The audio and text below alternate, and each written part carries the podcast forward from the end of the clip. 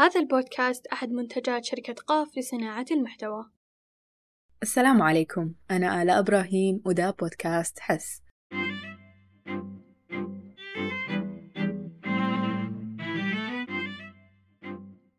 أهلا بمستمعين بودكاست حس الأعزاء. الحلقة دي زي ما هو واضح من العنوان حتكون تكملة عن تأثير الهرمونات على المزاج وبالتالي على المشاعر.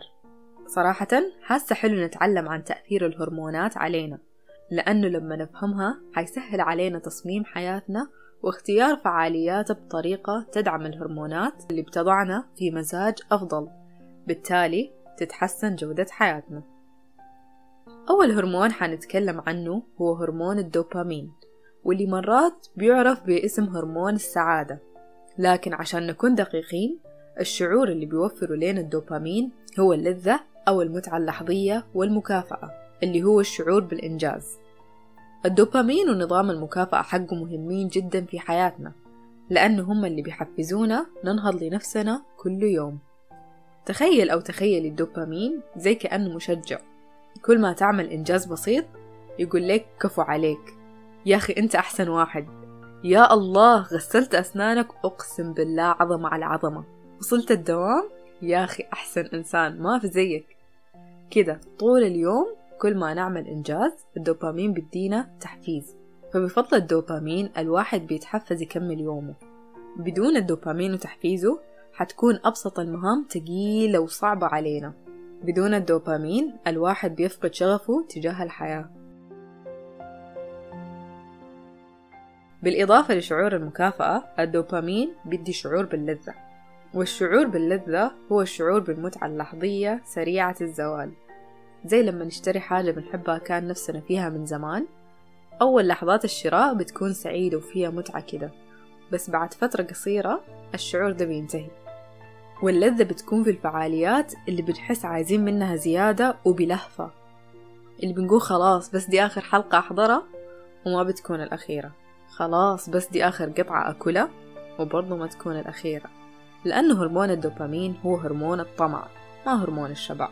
عكس هرموننا الثاني اللي هو هرمون السيروتونين. هرمون السيروتونين حرفيا هو هرمون الشبع لأنه بيشتغل كمثبط للشهية فبيدي إحساس بالشبع والاكتفاء حتى لو المعدة ما تملت على آخر. كنت بسمع حوالي ناس بيقولوا إنه سر السعادة يكمن في البطن. كلامهم طلع صح. لأنه حوالي 90% من إنتاج السيروتونين بيتم في القناة الهضمية. منها بيتحكم في صحة العظام والتئام الجروح. وحوالي عشرة بالمية من إنتاج السيروتونين بيتم في الدماغ. ومن هناك بيتحكم بالنوم وجودته وبيتحكم بمزاجنا. تحديدا الشعور بالسعادة. فهرمون السيروتونين هو هرمون السعادة الحقيقي. بس شنو هو شعور السعادة؟ السعادة هو إنه الواحد يكون مبسوط وراضي وشاعر بالاكتفاء باللي عنده أو اللي عمله. ما بحس إنه عايز أكتر أو عايز زيادة من الحاجة اللي عنده عشان يحس إنه أسعد. بيكتفي باللي عنده وخلاص. الدكتور روبرت لوستج مؤلف كتاب قرصنة العقل الأمريكي عمل مقارنة بين شعور اللذة الناتج عن الدوبامين وشعور السعادة الناتج عن السيروتونين وذكر فروقات بينهم. الفروقات بين السعادة واللذة هي حسب الدكتور إنه أولا اللذة زي ما قلنا قصيرة المدى بينما السعادة بتكون طويلة المدى. اللذة بنحس بها في أجسامنا بينما السعادة بنحس بها في أرواحنا. يعني اللذة شعور جسدي أما السعادة شعور روحي. اللذة تؤخذ. يعني أنا لما أشتري أنا لما آخذ أنا لما آكل. دي الحاجات اللي بتحسسنا باللذة. بينما السعادة تعطى. ده خلاني أتذكر الآية القرآنية ولسوف يعطيك ربك فترضى وزي ما قلنا السعادة هي الشعور بالانبساط وإحنا راضيين. صدق الله العظيم. فرق تاني من الفروقات بين اللذة والسعادة إنه اللذة بتكون فردية بينما السعادة بتكون في المشاركة.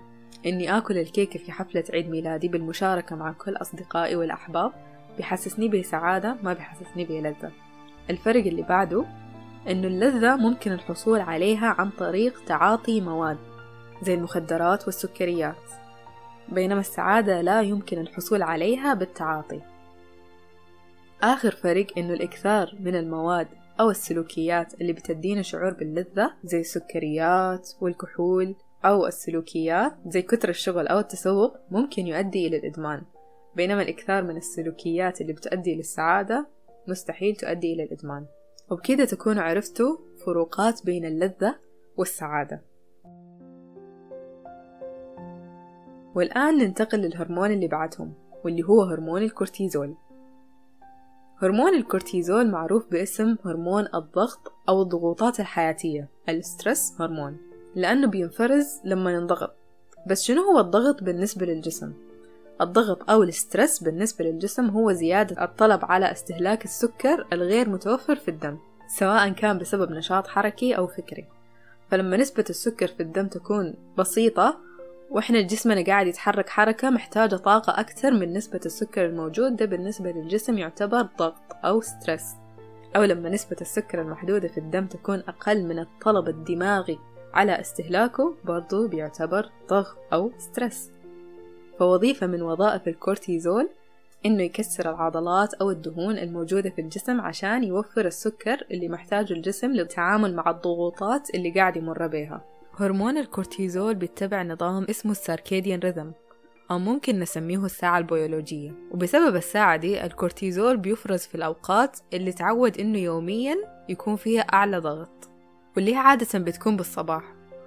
فبيتعود الجسم في الوقت اللي متعود تصحى فيه الصباح يوميا يفرز أعلى نسبة كورتيزول عشان تستعد لليوم لأنه غالبا الصباح هو الوقت اللي بنسعى فيه لحياتنا فبيكون في طلب عالي على السكر.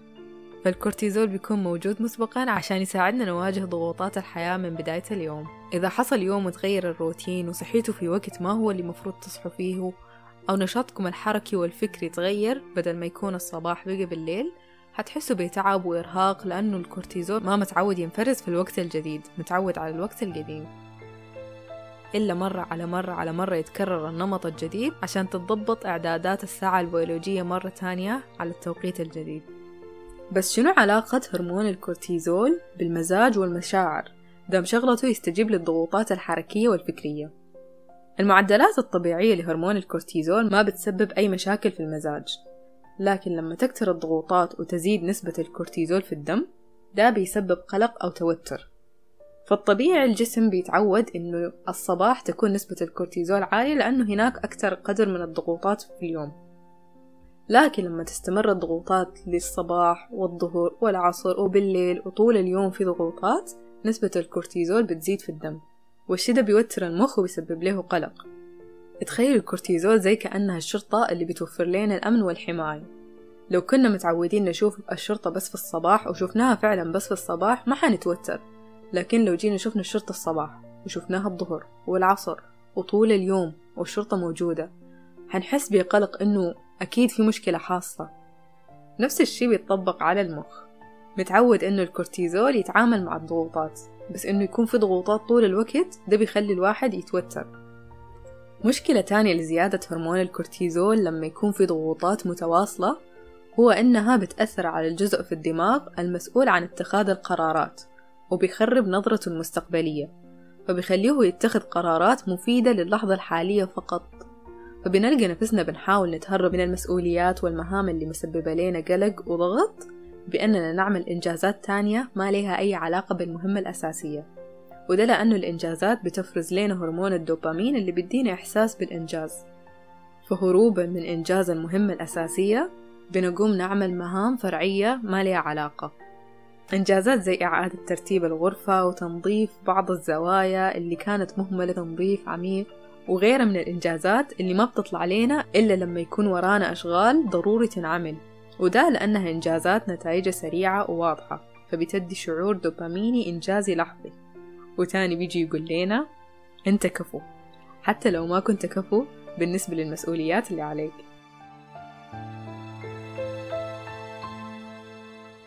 فأنا أشوف إنه لما الواحد يحس نفسه مضغوط وبحاجة للشعور باللذة أو المكافأة إنه يستغل هرمون الدوبامين عن طريق إنه ياخد المهمة اللي جد بتنفعه ويقسمها لمهام صغيرة جدا جدا جدا جدا بحيث إنه كل ما ينجز واحدة من المهام الصغيرة دي يجيه شعور بالدوبامين. فبدل ما يبحث عن اللذة في مكان ما ينفعه يحاول يبحث عن اللذة في نفس المهمة اللي هو بيطمح ليها سواء كانت دراسة أو عمل أو أي مسؤوليات تانية. الهرمون الأخير اللي حنتكلم عنه في الحلقة دي هو هرمون الأكسيتوسن والمعروف باسم هرمون الحب.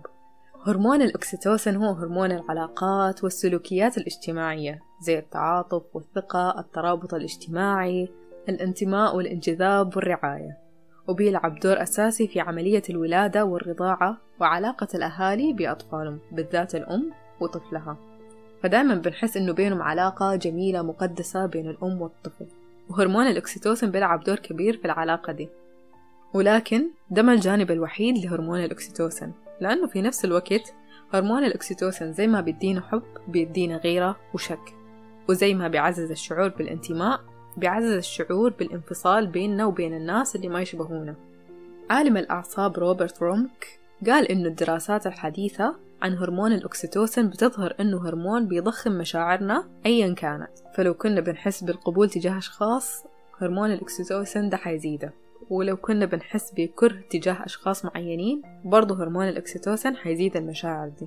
لأنه هو بيخلينا ننتبه على الإشارات البارزة سواء كانت السلبية أو الإيجابية. فلما شخص يكون عنده عداوة مع شخص تاني يبتدي يفسر سلوكياته على إنها حاجات سلبية حتى لو ما كان يعني بها الحاجة دي.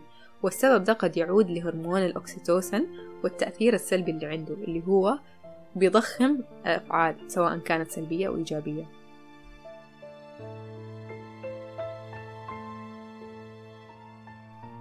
شعور حلقة اليوم هو السعادة وهو الشعور اللي تكلمنا عنه في نص الحلقة. الصراحة السعادة شعور حلو وكثير مننا بيحاولوا يبحثوا عنه لكن مرات بالغلط بنبحث عن اللذة ظنا مننا إنها هي السعادة. فكان مهم جدا بالنسبة لي إنكم تقدروا تميزوا بين شعور اللذة وشعور السعادة عشان تكون السعادة واضحة بالنسبة ليكم لما تسعوا ليها. ربنا يملأ أيامكم بالسعادة والحب وكل المشاعر اللطيفة. وهنا نكون وصلنا لنهاية الحلقة. شاركوني تعليقاتكم وآرائكم عبر مواقع التواصل الاجتماعي وما تنسوا تتابعوا البودكاست على منصات الاستماع المفضلة عندكم. إلى اللقاء.